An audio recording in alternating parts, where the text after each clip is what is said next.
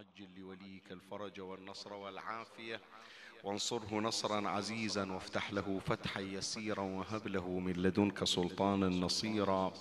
رب اشرح لي صدري ويسر لي أمري واحلل عقدة من لساني يفقه قولي. يا كاشف الكرب عن وجه أخيه الحسين اكشف كربي بجاه أخيك الحسين. نادي عليا مظهر العجائب تجده عونا لك في النوائب.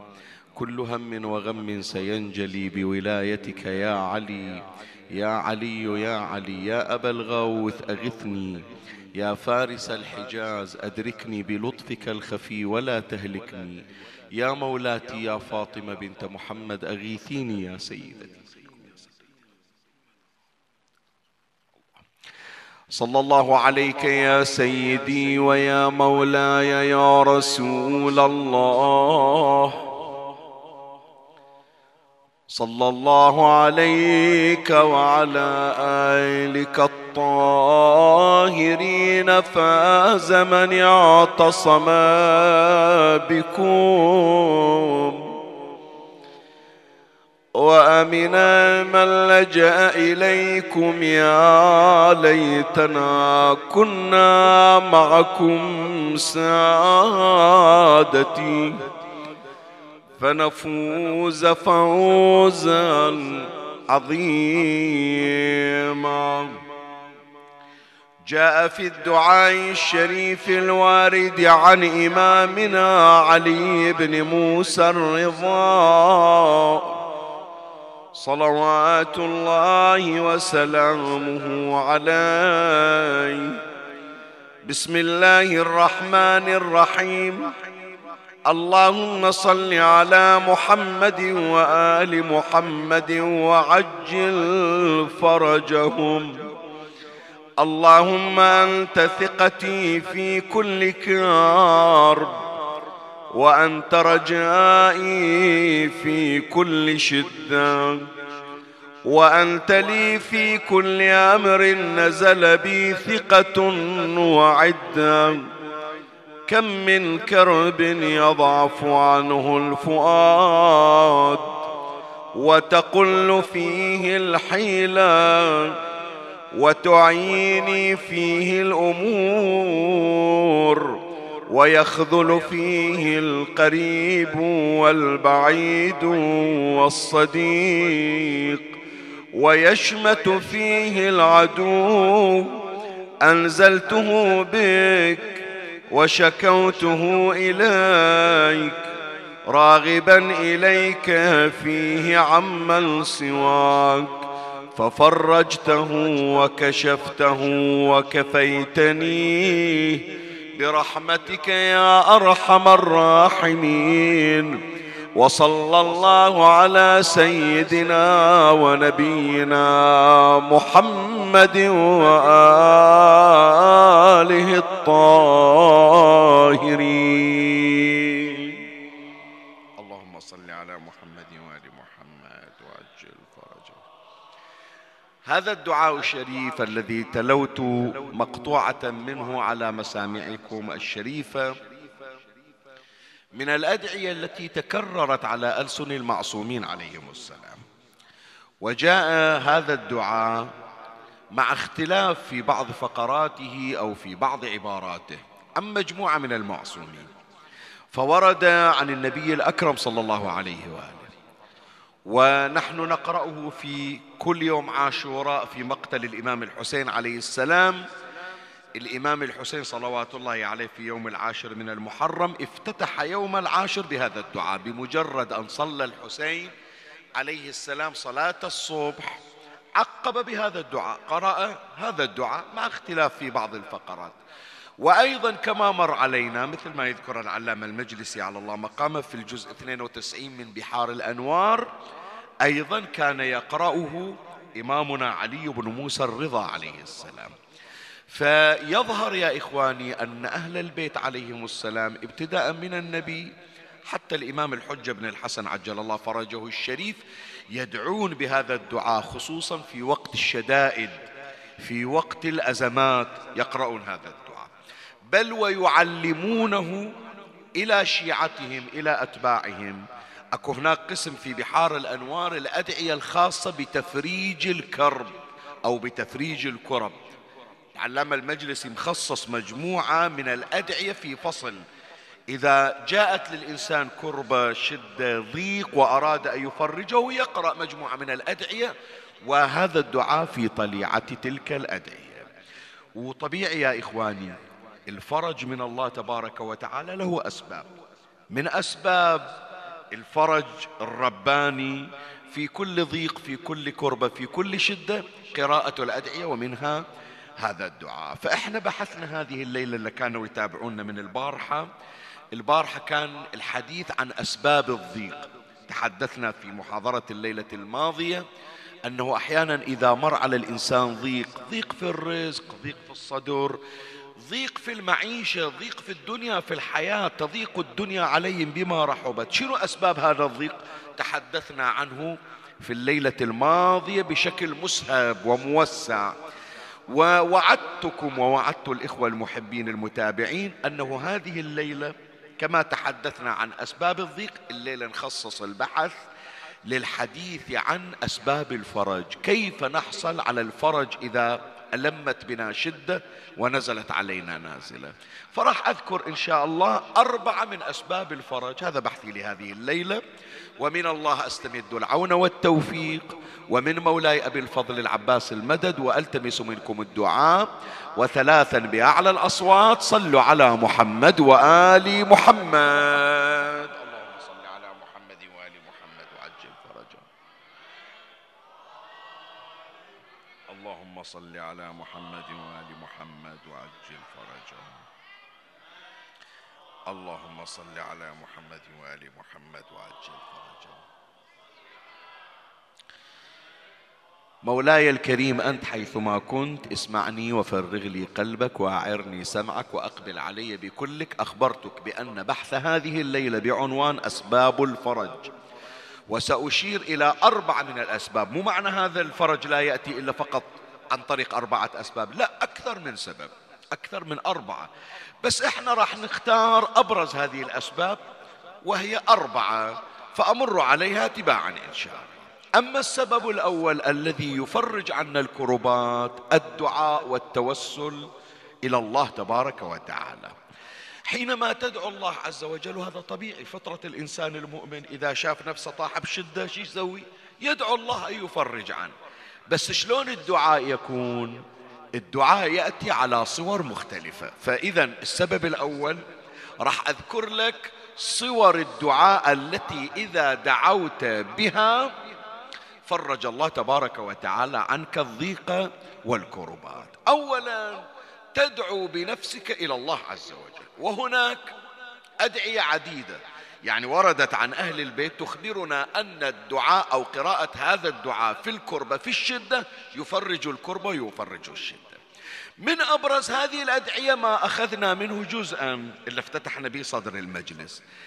الإمام الرضا عليه السلام يقرأ هذا الدعاء ويعلم شيعته أيضا إذا أصابتهم مصيبة أن يقرأوا هذا الدعاء. الآن راح أقرأ لك أنا الرواية مثل ما ذكرها العلامة المجلسي في بحار الأنوار.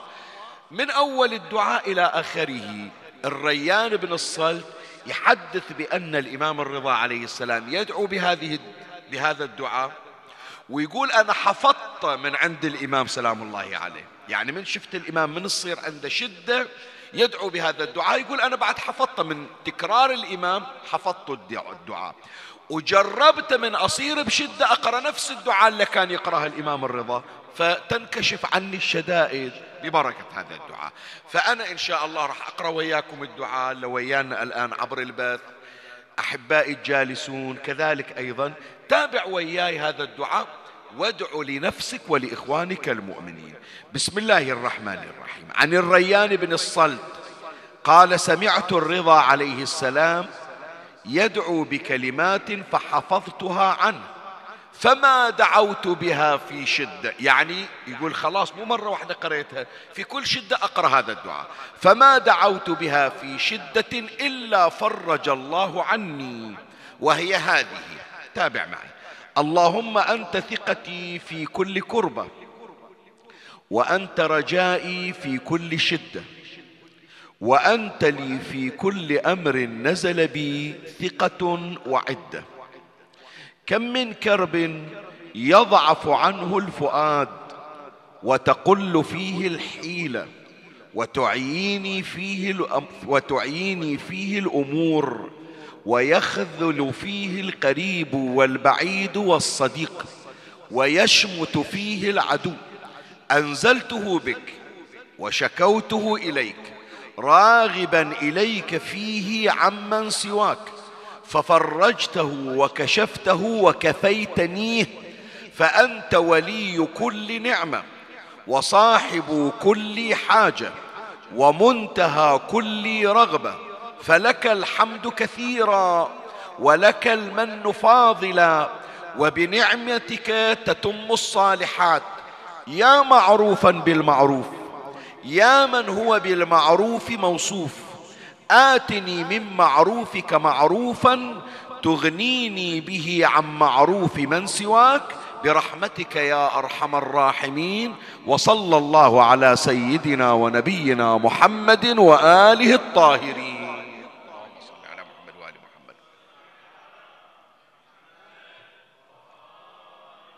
أنا أتمنى يا أحبائي خلي هذا أول أول خطاب إلى أحبائنا وأخواننا في اللجنة الإعلامية. إن شاء الله يقتطعون هذا الدعاء وينزلونه على صفحة وعلى موقع الحسينية الكريمة. ويخلونا إلى الإخوة المتابعين. وحاولوا يا إخواني هي الرسالة الثانية تكتبون هذا الدعاء. خلوا عندكم بجيبكم. طالع أنت بدربك رايح مثلا كذا بمشوار صارت عندك قضية تعطلت فيها معاملة من المعاملات. الله لا يجيب الشدائد. نزلت بك شدة بالطريق طلع الدعاء. إذا مو حافظنا إذا حافظنا بألف عافية. ما حافظنا طلعه واقرأ. أو على الأقل اسحبه من النت خليه عندك في الموبايل واقراه في كل شدة. حتى إذا الشدة مو عليك على واحد. واحد اشتكى إلك أمر. أو رايح إلى مثلا مريض وشفت وضعه متأزم تقرأ عليه هذا الدعاء. مجرب عن إمامنا الرضا عليه السلام بأنه سبب في تفريج كل شدة. الريان بن الصلت يقول أنا جربته في كل شدة الله يفرجها عني ببركة هذا الدعاء الوارد عن الإمام الرضا عليه السلام. فإذا واحد من صور الأدعية الذي هو سبب من أسباب الفرج الدعاء بنفسك. زين هي واحدة. الصورة الثانية الصورة الثانية من صور الدعاء لا واحد يجي يقول لي شيخنا إيش أسوي؟ أنا لا أنا حافظ الدعاء. ولا حملت لي ورقة أو في الموبايل مثلا افرض الموبايل خلص الشحن ماله أو الورقة اللي بيها الدعاء ناسنها. والدعاء مو حافظا إيش أسوي بذيك الساعة. المجرب يا إخواني لتفريج الشدة الدعاء لصاحب العصر والزمان الحجة ابن الحسن أجل الله فرجه الشريف. وهذا يا إخواني شوية اسمحوا لي أولادي حاولوا شوية تركزون في العبارة ترى هذا الدعاء دعاء للإمام مهضوم تدري لو لا إحنا عادة ندعو إلى إمامنا الحجة ننتظر يوم الجمعة ننتظر مثلا خطيب على المنبر يقرأ دعاء الفرج. افرض مثلا واحد من المؤمنين وراء المجلس قام زار زار الأئمة المعصومين بعدين توجه للمدينة وقرأ دعاء الفرج اللهم كل وليك يعني ننتظر الدعاء نقرأ بصورة عرضية. يمكن وراء كل صلاة أو شيء. بس تعرف هذا الدعاء دعاء الفرج للإمام مجرب في العسر وفي الشدائد. وأتمنى الليلة أحفظها من عندي وجربها. أولادنا خلي يحفظونها مثلا أفرض تعسر عليه أمر في دراسة في مذاكرة في مراجعة. بناتنا مثلا في مذاكرة ومراجعة ما جاية تفهم المطلب ما جاية تفهم الدرس. وصارت في حالة حزن. خلها تجرب الدعاء للإمام سلام الله عليه بالفرج. شوف شلون الأمر يسهل. إلا بالطريق مثلا إلا رايح إلى إلى عمل أو إلى مشوار مهم وتأخر وخايف أنه يتعطل. إلا ما أعدد لك أنت أخبر بالشدائد. جرب اقرأ دعاء الفرج للإمام سلام الله عليه. يعني. دعاء الفرج للإمام من المجربات في تسهيل الأمور وفي الفرج عن الشدائد. وقد ورد عن إمامنا الحجة بن الحسن عجل الله فرجه الشريف يرويها العلامة المجلسي أعلى الله مقامه في الجزء 52 من بحار الأنوار صفحة 92 في رسالة من الإمام طلعها إلى الشيعة واحدة من وصايا إمامنا الحجة قال وأكثر الدعاء بتعجيل الفرج فإن ذلك فرجكم. يعني أنت صرت بشدة جرب جرب في أي شيء متعسر وإنت قاعد حتى تنتظر دورك مثلا بمكان من الأمكنة ومتأخر تقول تعطلت معاملتي وإنت قاعد جرب كثرة الدعاء للإمام سلام الله عليه. تتسهل الأمور وتفرج الشدائد ببركة إمامنا قائم آل بيت محمد. عجل الله فرجه الشريف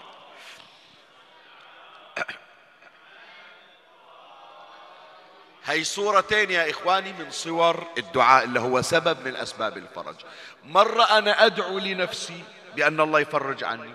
مرة أخرى أدعو للإمام بأن يفرج الله عنه ويعجل في فرجه فيفرج الله عني ببركة دعائي للإمام. سلام الله عليه. يعني. الصورة الثالثة. وهذه صورة أشبه بالمهجورة. شلون؟ أنا أقول لك. يعني أقول لك أنا عندي حاجة متعسرة. أروح للإمام الرضا عليه السلام بمشهد أو حتى إذا ما قدرت أروح أسمع واحد من الزوار أما هو هناك موجود ومسوي تليفون. أو لا يقول لي باكر ترى أنا رايح لمشهد لزيارة الإمام سلام الله عليه. توصيني حاجة غرض؟ أقول إي والله عندي حاجة متعسرة. دخيلك من توصل عن ضريح الإمام ادعوا لي هناك اطلب لي بأن حاجتي تقضى دائما إحنا طلباتنا يا إخواني شنو؟ الحاجة تقضى. يعني هذا إذا علي دين الدين يكون يتسهل. إذا مثلا أمر متعسر مريض مثلا أطلب الحاجة بما هي حاجة. تعرف نفس الحاجة تنقضي لك لكن بصورة أخرى. شنو الصورة الأخرى؟ تطلب من المعصوم أن يتولى هو الدعاء لك. تجي مرة أنت تمسك ضريح الرضا أو ضريح الإمام الحسين سلام الله عليه تقول له سيدي حاجتي كذا كذا كذا كذا كذا. مرة تقول لا سيدي أنا بشدة مو أنا اللي أدعو أنا أطلب من عندك أنت يا مولاي تنظرني بنظرة الرحمة وتدعو.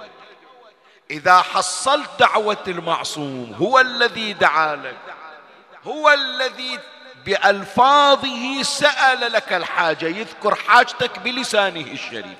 هو طبعا أقرب إلى الله تبارك وتعالى. صحيح لولا فمنها حصلت نظرة المعصوم. صرت مقرب من عنده.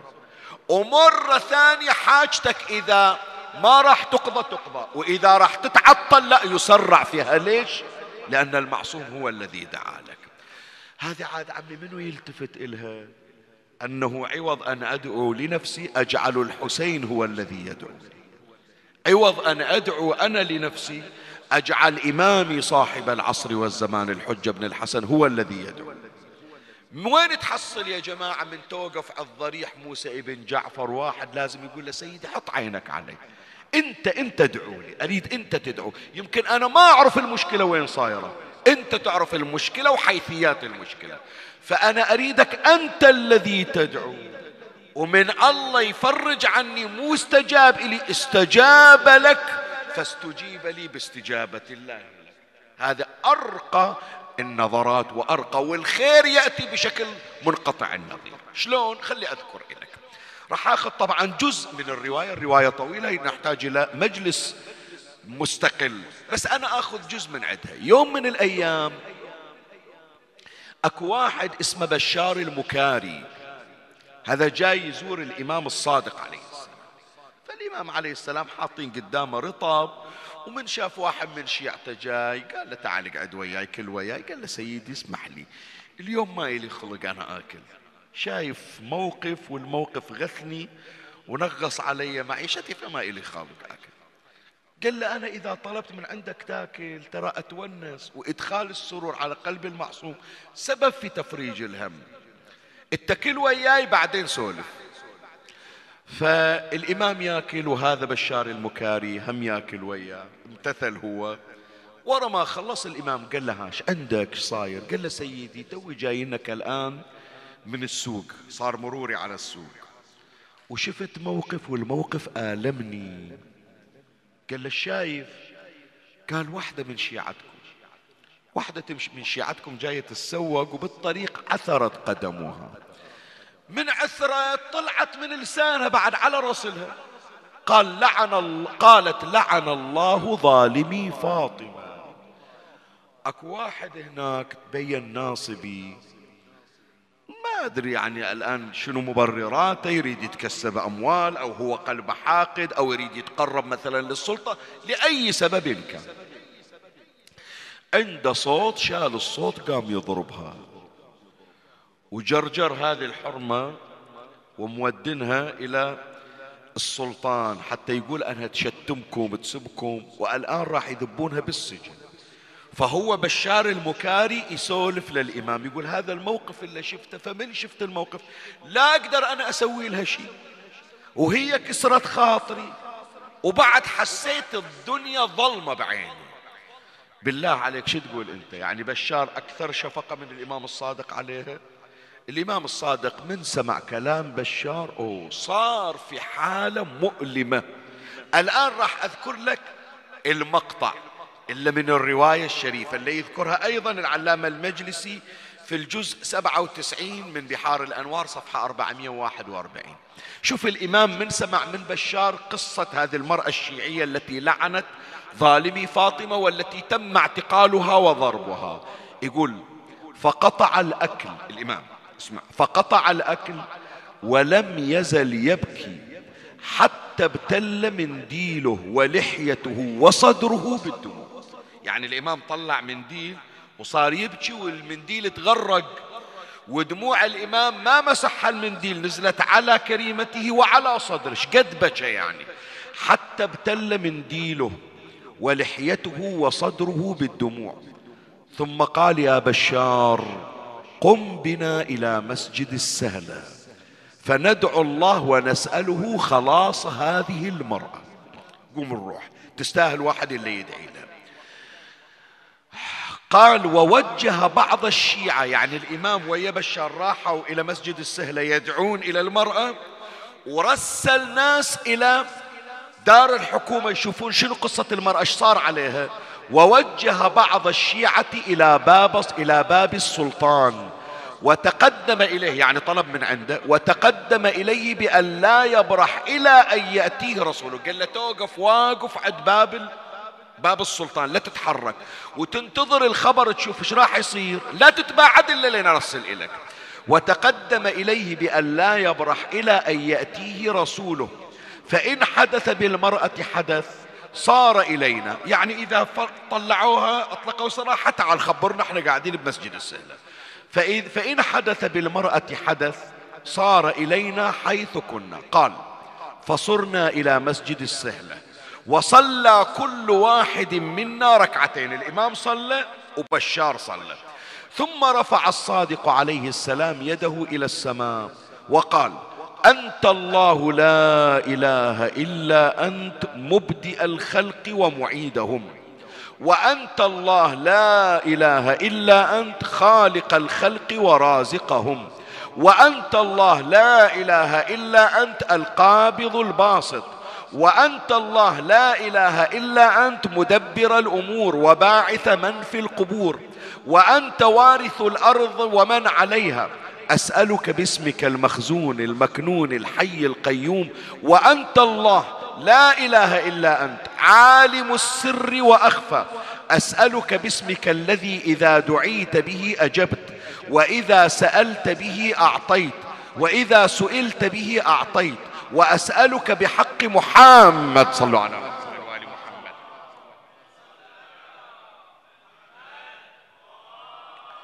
وأسألك بحق محمد وأهل بيته وبحقهم الذي أوجبته على نفسك أن تصلي على محمد وآل محمد وأن تقضي لي حاجتي الساعة الساعة. يا سامع الدعاء يا سيداه يا مولاه يا غياثاه أسألك بكل اسم سميت به نفسك أو استأثرت به في علم الغيب عندك أن تصلي على محمد وآل محمد وأن تعجل خلاص هذه المرأة.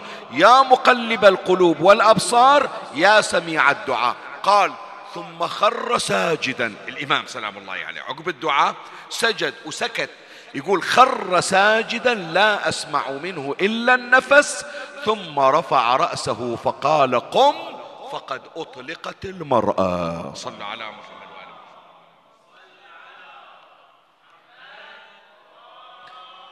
شلون سيدي؟ قال خلاص وصلني الخبر بأن المرأة فرج الله عنها. توهم قايمين وإذا اللي خلاها الإمام عند دار الحكومة هناك قال له شوف الخبر ولا تجينا إلا إذا رسلت إلك أو إذا طلعوها شوي وإذا داخل المسجد. قال له سيدي أطلق سراحها فرج عنها. شوف بعد إضافة إلى ذلك في الرواية الإمام سلام الله عليه يقول هي سبعة دنانير طلع من جيبه سبعة دنانير. قال ودوها إلها. وقولوا لها جعفر بن محمد الصادق يسلم عليها. وهذه هدية من عندي. فهذا بشار أخذ السبعة دنانير وراح إلى ذيك المرأة يتشكر لها السلامة وقال لها جايب لك بشارة. شنو البشارة؟ قال يسلم عليك جعفر بن محمد الصادق. فلما سمعت شهقت ووقعت مغشى عليه. صار بها؟ رشوا عليه الماء قالت له جعفر بن محمد يسلم علي قال إي والله أنا توي جاي من عنده. قال وصل إلها السلام. فوقعت مغشا عليها. رشوا عليه الماء قال إيش صاير قالت بالله جعفر بن محمد يسلم علي. قال بلى فسجدت لله شاكرة. قال وجايب لك سبعة دنانير هدية من عنده؟ قالت سلامه علي. يغنيني عن الدنيا وما فيها. شوفوا إخواني فائدة أن يدعو لك المعصوم. من ليلة من الليالي ليلة الجمعة تقول الليلة أريد دعوة من إمامي صاحب الزمان يكون يخصني بالدعاء ما ينساني عندي شدة ما أريد غيره يدعي. تدري شو تحصل من وراها دعوة المعصوم؟ أنا أقول لك. أولا المعصوم يجتهد في الدعاء من أجلك. يعني يدعو لك بحرقة أكثر من حرقة قلبك أنت على حاجتك. شفت شلون دموع الإمام؟ وشفت شلون الإمام دعوته وساجد ما رفع رأسه إلا بعد أن انقضت الحاجة. أنت جنابك تصير بحاجة متى تدعو؟ في الصلاة. خمس دقائق وتنسى تقول يا الله إلى أن يبشروني بالحاجة. الإمام لا يفتر من الدعاء لك حتى تنقضي حاجتك. هي واحدة. بعد الإمام مو بس يدعو لك لا. كل واحد يحبه يقول عندي واحد من شيعتي أحبه وطالب من عندي أدعو له. فكلكم ادعوا إليه. شايف انت لما واحد عنده حاجة عنده مريض يقول ادعوا لنا في المأتم. فالخطيب يدعو والحضور يدعون صغير وكبير يدعون. ترى هذا الإمام يسويها تراها مو بس هو يدعو. قال لبشار المكاري قال له تعال وياي المسجد أنا راح أدعو أريدك هم أنت تدعو؟ يعني سوى الإمام حالة استنفار في الدعاء إلى تلك المرأة المؤمنة. بعد مو بس يدعو ويخلي المؤمنين يدعون لا. أنا عمي ما أدري عندي حاجة بس ما أعرف شلون تنقضي. الإمام يودي ناس يودي ناس يشغلهم يتفقدون أمرك ويراعون كيف تقضى الحاجة. لا تنسى ذاك اللي وقف على باب دار السلطان. ليش الإمام وقف؟ أخوه رايح يدعو. هي كلها فكروا فيها يا جماعة. ليش الإمام ما دعا في البيت؟ دعاء الإمام يرد لو دعا في البيت يرد دعاء الإمام؟ لا يرد الدعاء بس يقول أدور أطهر البقاع حتى أدعو لامرأة من شيعة. ومع العلم بأن دعاء الإمام لا يضاهيه دعاء لا يخلي كل المؤمنين يدعو. زين والحاجة بتنقضي بس من حرقة قلبه يخلي واحد يتابع الحاجة شلون تنقضي. زين انقضت الحاجة وطلعوا المرأة خلاص انتهت. طلبوا من عندك أنه الله يفرج عنها فرج عنها انتهت لا يطيب خاطرك. مثل ما نقول إحنا كرامية السبعة دنانير ليش يا جماعة؟ يعني يريد يقول لك الإمام لا صارت هذه الحاجة والشدة اللي أنت فيها سبب في نظرتنا لك وكرامة مضاعفة من محمد وآل محمد صلوات الله عليهم.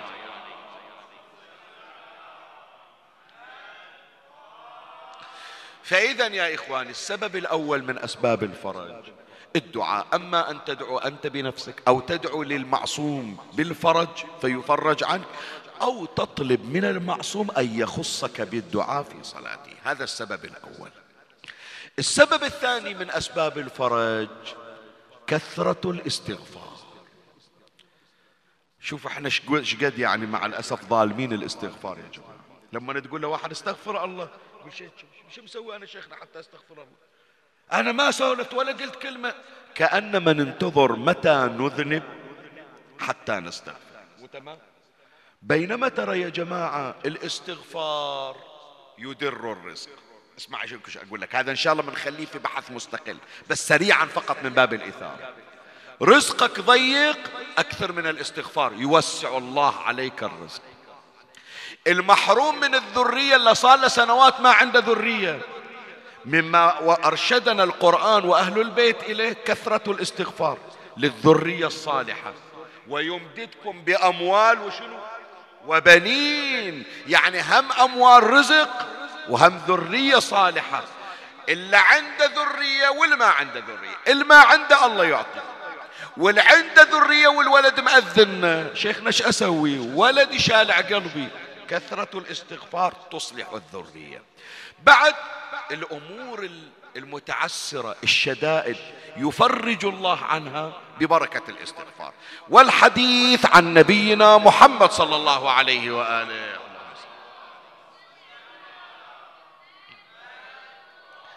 قال رسول الله صلى الله عليه وآله من ظهرت عليه النعمة فليكثر الحمد لله. الحمد لله رب العالمين. أنعم بها عليه. من ظهرت عليه النعمة فليكثر الحمد لله. ومن كثرت همه فعليه بالاستغفار. ومن ألح عليه الفقر فليكثر من قول لا حول ولا قوة إلا بالله ينفي الله عنه الفقر شوف شيخنا وين الله يعني أقول أستغفر الله. تعرف هالشدة صار لها كم سنة؟ شده ما تزول أي استغفار الاستغفار شو يسوي؟ أنا أقول لك حتى تعرف قيمة الاستغفار. أعظم شدة نزلت على أناس قوم يونس ابن متى. نبي الله يونس لما غضب عن قومه وخرج عنهم. وذنوني إذ ذهب شنو؟ مغاضبا فظن أن لن نقدر عليه. وعدهم بأن العذاب سينزل عليهم بعد ثلاثة أيام. وعلامة نزول العذاب ستأتي ريح صفراء ثم ريح حمراء ثم ريح سوداء. وفي اليوم الثالث سينزل عليهم العذاب. شلون العذاب ينزل؟ الجبال راح تنقلع من الأرض وتصعد للسماء وتنقلب رأس على عقب وتنزل الجبال من جديد وتسحقهم وتساويهم بالأرض زين. الآن يلجؤون إلى منه حتى النبي اللي هو طريق الرحمة خلاه ومشى عنهم. أكو واحد من أصحاب يونس عالم. قال أنا ما أطلع. لو واحد يريد يتوب راح أظل حتى أساعده على التوبة. فهم في البداية يوم يونس وياهم متهاونين. من طلع يونس أول يوم. وإذا الريح الصفراء. فتحوا عيونهم من الصبح وإذا الدنيا كلها صفراء. وإذا الريح صفراء. قالوا ترى هذا حكي يونس. بعض المكابرين قالوا لا ما عليكم. لا هذا كل مرة تجينا في القيض تمر علينا ترى. باكر ماكو شيء. يوم الثاني وإذا الدنيا حمراء قال يونس مخبرنا. أول يوم ريح صفرة ثاني يوم ريح حمراء. أمس الريح صفرة اليوم ريح حمراء. باكر عذاب ينزل. المكابرون لا انتظروا إن شاء الله ما في شيء. لا لا. يوم الثالث وإذا الدنيا سوداء مظلمة. شوية وإذا هز أرضية. شوية وإذا الأرض انشقت. شوية وإذا الجبال أخذت ترتفع إلى السماء. قالوا إذا مثل ما وعدنا يونس. الآن الجبال راح ترجع مقلوبة وستسحقنا. خلاص ما راح يبقى من عندنا أحد. شو نسوي؟ قالوا يونس طلع وين نروح له بعد قالوا أكو صاحبة. صاحب العالم خلينا نروح له خليه يدبرنا. فلجأوا إلى صاحب يونس. قالوا له تعال شوف لنا شارة شو نسوي الآن. لو يونس موجود علمنا. قال أنا أعلمكم. أكثروا من الاستغفار. والاستغفار مو واحد اثنين لا الديرة كلها تصير مستغفرة الرجال النساء الكبار الصغار حتى الأطفال. حتى إذا عدكم رضيع. رضيع ابن يوم. قالوا زين رضيع ابن يوم ما يحكي شلون يستغفر؟ قال بعده عن أمه. هو بكاء استغفار. حتى البهائم افصلوا صغار البهائم عن كبارها. الديرة كلها تصير استغفار. شوفوا بركة الاستغفار. يفرج الله عنكم لولا؟ والله صدق دول اللي كانوا يعاندون يونس ويتجاهرون بالشرك والكفر ابتدأوا بالصراخ حتى بحت الأصوات. كلهم يستغفرون إلى الله. والجبال تنزل تنزل تنزل. لما صدقوا في الاستغفار دفعة واحدة وإذا الجبال ارتفعت وفرج الله عنهم ببركة الاستغفار. اللهم صل على محمد. فلهذا يا إخواني إحنا مرت علينا قبل سنتين ثلاث هذه الجائحة. الآن إيش قد إخبارات تجينا بطريقة أو إحنا عندنا يقين بالله تبارك وتعالى. لكن أقول فيما لو وقعت جائحة أخرى. هذول اللي ما عندهم يقين يقولون الأيام القادمة راح تجي أوبئة وتجي فيروسات وتجي جائحة أخرى أشد مما مر علينا. إحنا نقول إذا كانت رحمة الله نجتنا في البداية فإن رحمة الله أوسع في كل مرة. مفروض يقيننا بالله يصير أكثر وأكثر. فالوصية يا إخواني لي ولكم شايف إحنا عندنا جلسات جماعية إحنا نقعد دعاء الندبة نقرأ جماعي. ليلة الجمعة دعاء كميل نقرأ جماعي. إحياء ليلة القدر جماعي. النص من شعبان جماعي. عرفة راح يجينا الإحياء جماعي. أتمنى يا إخواني إن شاء الله إن شاء الله هذه المنطقة منطقة الولاء والإيمان الصادق يكونون من السباقين إليها. ولو مقدار نصف ساعة ساعة ساعة لا ربع بس. أجمع الأولاد أجمع الشباب بالمسجد وتصير جلسة استغفار. كل واحد بيده السبحة أو المعداد نصف ساعة نستغفر الله بنية كشف البلاء ودفع السوء ورفع الأوبئة وقضاء الحوائج المتعسرة.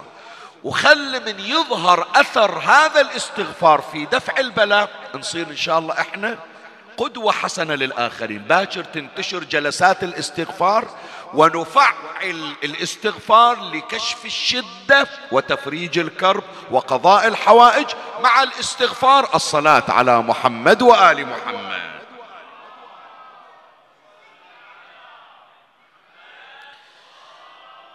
فهذا السبب الثاني من أسباب الفرج. قلنا السبب الأول الدعاء السبب الثاني الاستغفار. السبب الثالث حتى بعد خلاص نختم بهذا السبب هو الذي يلي. السبب الثالث المجرب لتفريج الكربات ولسرعة الفرج الإلهي تعرف شنو؟ يسمونه تنفيس الكربة عن المؤمنين. حط بالك شوية. راح أقرأ لك الحديث بس أول أبين لك. شنو معنى تنفيس الكربة تنفيس مأخوذ من شنو؟ من النفس. كأنما هناك ضيق كأنما هناك واحد مكتوم قاطعين عنا النفس. تخيل انت جنابك لو واحد يسكر خشمه يسكر حلقه. ما يقدر يتنفس. شوية ويرفع إيده يجيه النفس يعني خلاص شنو؟ فرج الله عن ذلك الضيق بالتنفس بالفرج. زين تنفيس الكربة شلون يصير؟ أنا أقول لك. مرة الكربة دين. اسمع مرة الكربة شنو؟ دين ما أعرف أسدده. تنفيس الكربة كم عليك دين؟ والله علي عشرة آلاف دينار ما أنا عارف شلون أدبرها. تفضل. هي عشرة آلاف روح سدد دينك. الإمام الحسين عليه السلام جاء إلى أحدهم وكان بين الموت والحياة ودمعته على خده. قال له صاير بيك؟ أكو شيء وجعك؟ قال له علي دين يا ابن رسول الله عشرة آلاف دينار وأنا الآن راح أموت وما عندي ولا فلس. قال له دينك قضي. خلاص. العشرة آلاف الآن توصل لصاحبها. ماكو عليك بأس. فتنفيس الكربة نفس الكربة تفرج. دين يؤدى الدين. هي صورة. شيخنا أنا من وين لي عشرة آلاف دينار حتى أروح أقضي دين؟ خلي أأدي ديوني حتى أأدي ديون غيري. زين. مو تفريج الكربة كل الكربة المساعدة. كم عليك؟ عشرة آلاف. ما عندي عشرة آلاف. بس هذه خمسمية دينار وإن شاء الله اللي فتح لك باب عن طريقي بقية المؤمنين هم أيضا إن شاء الله يساعدون. هذا يسمونه تنفيس يعني تنفيس جزء من الكرة. هي اثنين. ثلاثة. ما عندي حتى عشرة دنانير أعطيه. شلون أنفس عنه؟ أجيله أقول له إلجأ إلى فلان. سوي المشروع الكذائي. راح يعدل وضعك. فأعطيه مشورة أقترح عليه أمر. من أفتح إلى طريق ويباشر في ذلك الطريق الله تبارك وتعالى يفرج عنه. جاء رجل إلى نبينا محمد صلى الله عليه وآله. اللهم صل على محمد.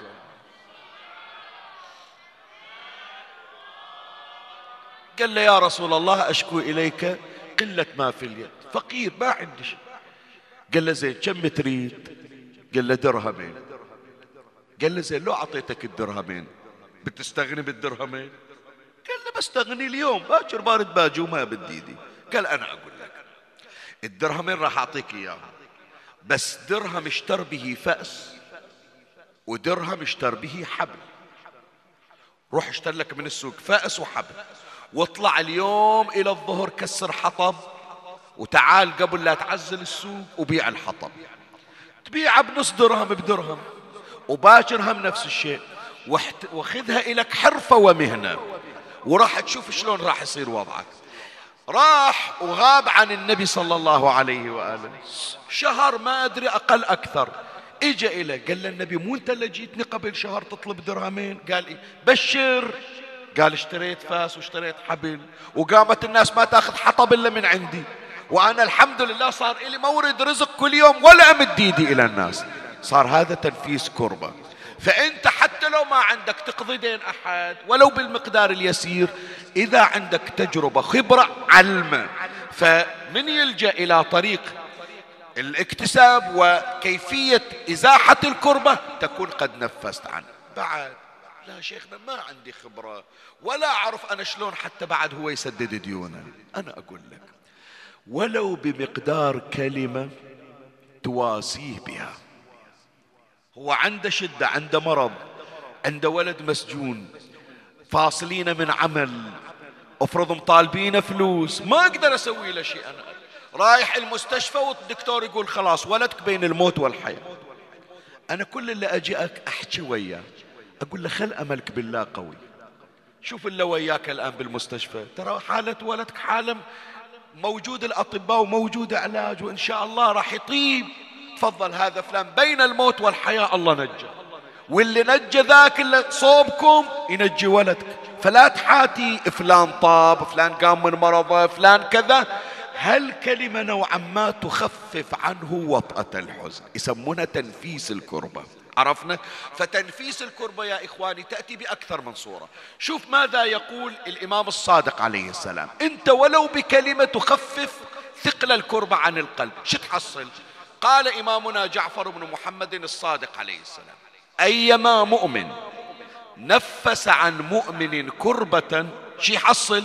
نفس الله عنه سبعين كربة من كرب الدنيا وكرب يوم القيامة. ومن يسر على مؤمن وهو معسر يسر الله له حوائجه في الدنيا والآخرة. ومن ستر على مؤمن عورة يخافها. ستر الله عليه سبعين عورة من عوراته التي يخافها في الدنيا والآخرة.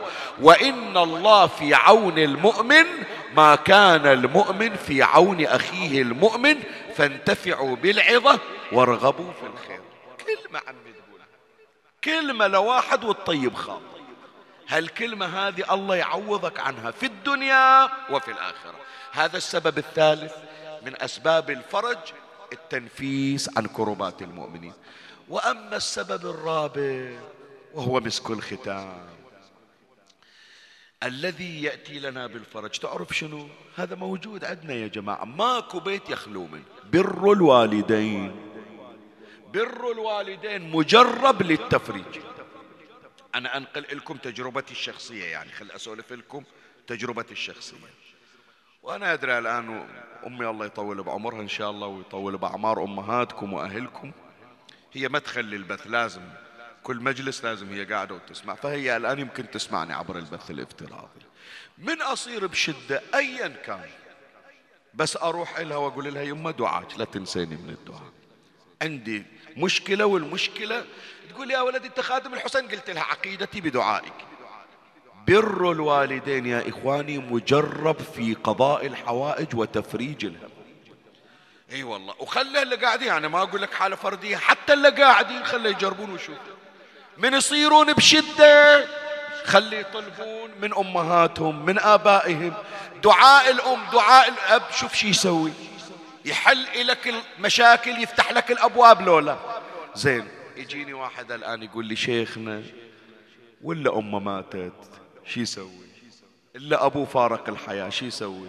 حتى هذا يا جماعة بعد عند باب الفرج. رسول الله صلى الله عليه وآله يقول وليطلب أحدكم حاجته عند قبر أبيه وأمه. حاجة متعسرة عندك؟ يلي أبوك متوفي يلي أمك فارقت الحياة. اقرأ فاتحة لأبوك اقرأ فاتحة لأمك شوف بنية قضاء الحاجة تنقضي حاجتك لولا هذا حديث النبي صلى الله عليه وآله. القرآن يا جماعة يقول أم حسبت أن أصحاب الكهف والرقيم كانوا من آياتنا شنو؟ عجبا. زين أهل الكهف نعرفهم. نعرف قصة التسعة أهل الكهف والكلب اللي كان وياهم وقصتهم شهيرة. من يوم إحنا أطفال نعرفها. الرقيم شنو؟ الرقيم ثلاثة يا جماعة. ثلاثة طالعين يتمشون سياحة طالعين يغيرون جو. وصار وقت الصلاة. شافوا لهم كهف دخلوا الكهف يصلون.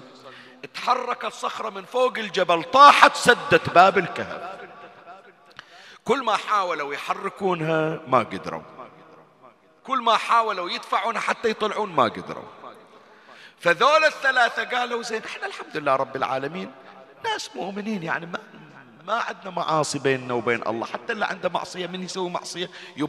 يبادر بالإستغفار. ما عندنا عمل مقبول عند الله إحنا خلنا نقسم على الله بعمل. نظن فيه القبول حتى الله يفرج عنه. النبي صلى الله عليه وآله ذكر قصة ذول الثلاثة أهل الرقيب. خل قصة طويلة هاي تحتاج إلى وقت. بس أنا جايب موضع الشاهد. شوف النبي صلى الله عليه وآله ماذا يقول عن الثالث؟ سوى إلا ببركة فعله الله فرج عنهم.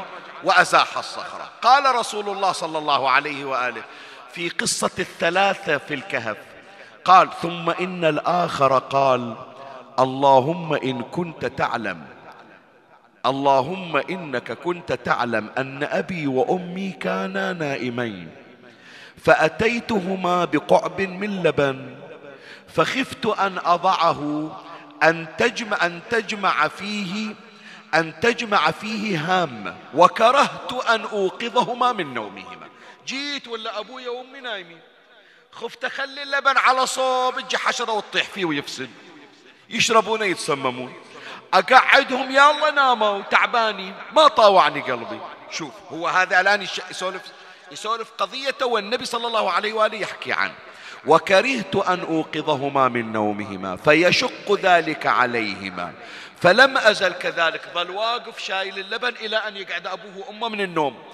فلم فيشق ذلك عليهما فلم أزل كذلك حتى استيقظا وشربا اللهم إن كنت تعلم أني كنت فعلت ذلك ابتغاء وجهك فادفع عنا هذه الصخرة. قال النبي صلى الله عليه وآله فانفرجت لهم طريقهم. صلوا على محمد.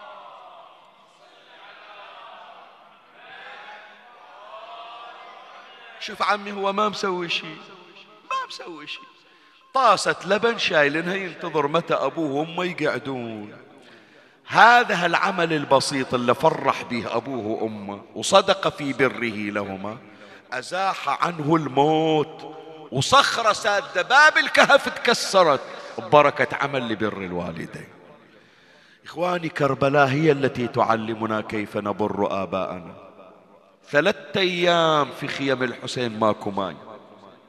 ثلاثة أيام ماي ما عندهم إجا علي الأكبر إلى الحسين.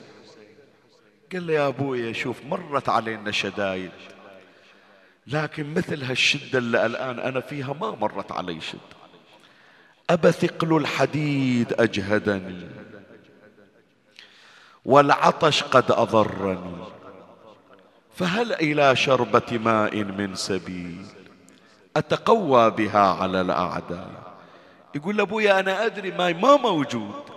لو ماي موجود إن كان أخوي الرضيع اللي طايح بحضن أم الرباب سقيناه الماء بس يقول يا أبويا أنا من فتحت عيوني وأنا مجند نفسي لبرك. ما يوم رفعت عيني بوجهك وما يوم طلبت حاجة من عند غيري.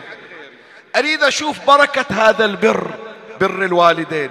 ينفعنا بمثل هالشدة لو لا الحسين بأبي وأمي قال له تعال تعال راويك تعال يا الولد البار راويك شوف برك بأبيك تحصل من وراه فايدة لو لا إيش سوى الحسين؟ يقولون نزع خاتمه ودفعه إلى علي الأكبر. قال له ما ما عندي لكن أعطيك شيء.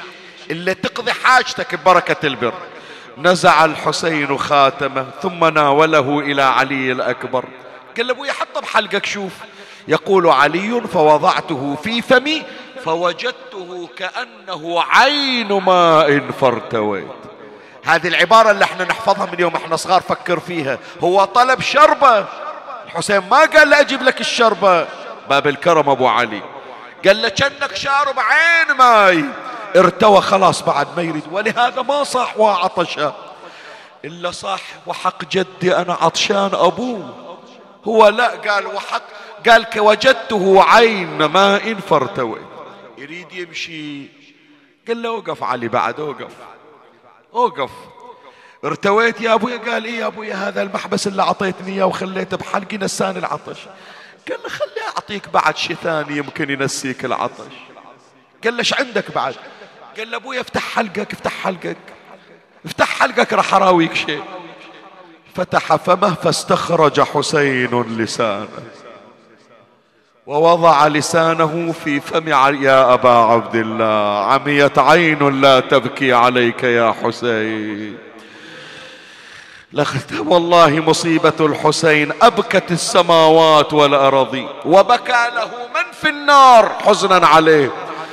وضع حسين لسانه في فم علي الأكبر شوية وإذا علي الأكبر رجع إلى الوراء صاير ها علي؟ صاير؟ قال أبا أبا وجدت لسانك أيبس من لساني. وقال بعض الفضلاء أن علي الأكبر قال أبا أبا وجدت لسانك كالخشبة اليابسة يا أبا عبد الله. بعض العلماء يقول قال أبا وجدت لسانك كأنه شقة مبرأ يا يا يا يا بويا يا بويا يا بويا قطرة مية لجبت اللي عنده ولد مريض. هذا الولد الصغير اللي بالمستشفى وهو يسمع مجلسنا. ذاك السبوع دعونا إلى من طلعت سويت له تلفون. قال شيخنا أنا على الفراش بالمستشفى وهم أسمع مجلسكم. إحنا نقرأ هالمجلس بنية شفاء أو شفاء كل مريض طلب من عندنا الدعاء له المؤمن اللي بكربل اللي قال شيخنا لا تنساني على المنبر. أقرأ هالمصيبة بنية شفاء المرضى وقضاء الحوائج. يا أبويا قطرة ميه لكبدي لكبدي. أتقوى ورد للميدان وحدي. يا ابويا انفطار قلبي وحق جدي. العطش والشمس والميدان والحق. تطلب من عند الحسين حاجة الحسين ما يرد حاجتك. إلا واحد رجع من غير حاجته. بك حسين ونحب وأكثر نحيبة يقل الماء يا ابني منين أجي؟ سمعني صوتك. يقل الماء يا ابني منين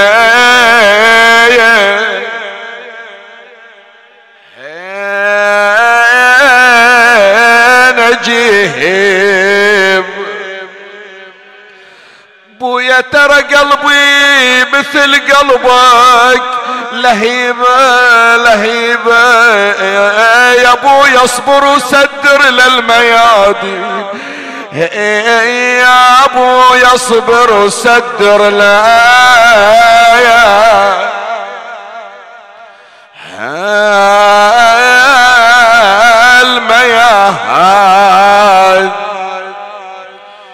ادركني يا ابويا وجيب لي قطرة مي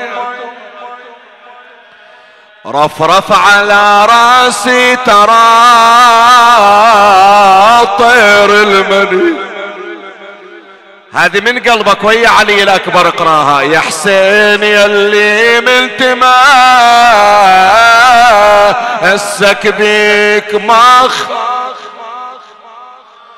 يا مقصد الوافد وضان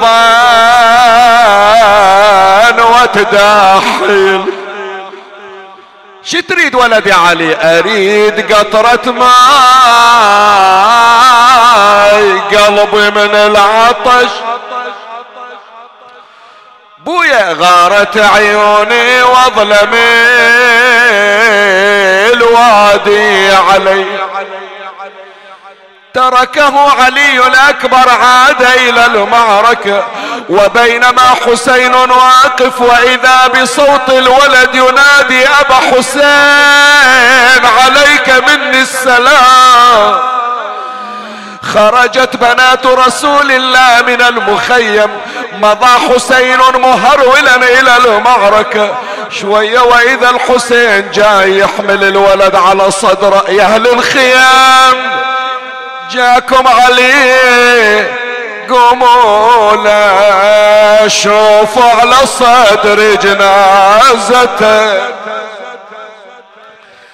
طلعن يا ويلي من الخيم عمات شافوا علي مرمي ويجور والنار ومن الطبور ما تنحصى جراحات وزينب عليه دموعها مهمون.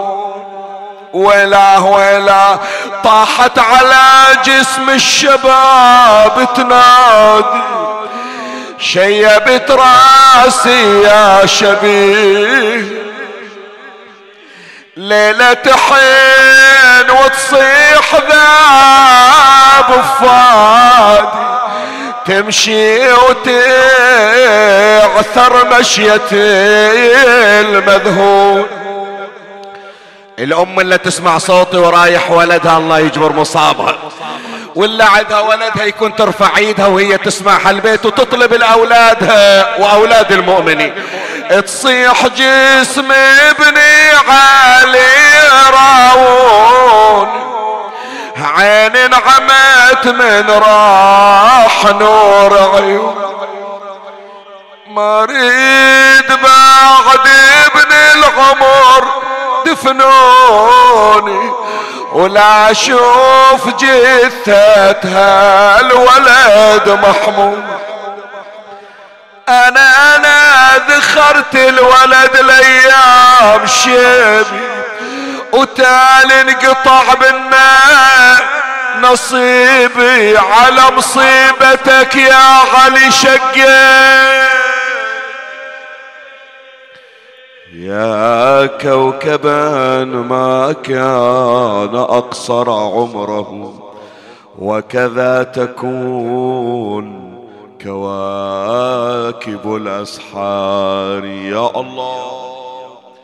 اللهم صل على محمد وآل محمد.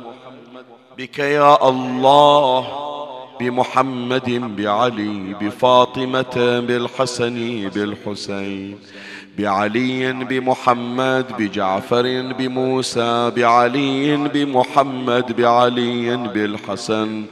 بالحجة ابن الحسن بجاه أم البنين بجاه ولدها أبي الفضل العباس كاشف الكرب عن وجه أخيه الحسين. بجاه كل صاحب جاه عندك يا الله اقض حوائجنا وحوائج المحتاجين فرج عنا وعن المؤمنين تفضل على المرضى بالشفاء والعافية سيما من سألنا الدعاء. إخواني الحاضرين والسامعين احفظهم اللهم فردا فردا بلغهم آمالهم. حقق مطالبهم أدخل السرور والبهجة على قلوبهم اصرف عنهم كل سوء ومكروه ترحم على أمواتي وأمواتهم وأموات الباذلين والسامعين وجميع المؤمنين سيما من لا يذكره ذاكر ولا يترحم عليه مترحم.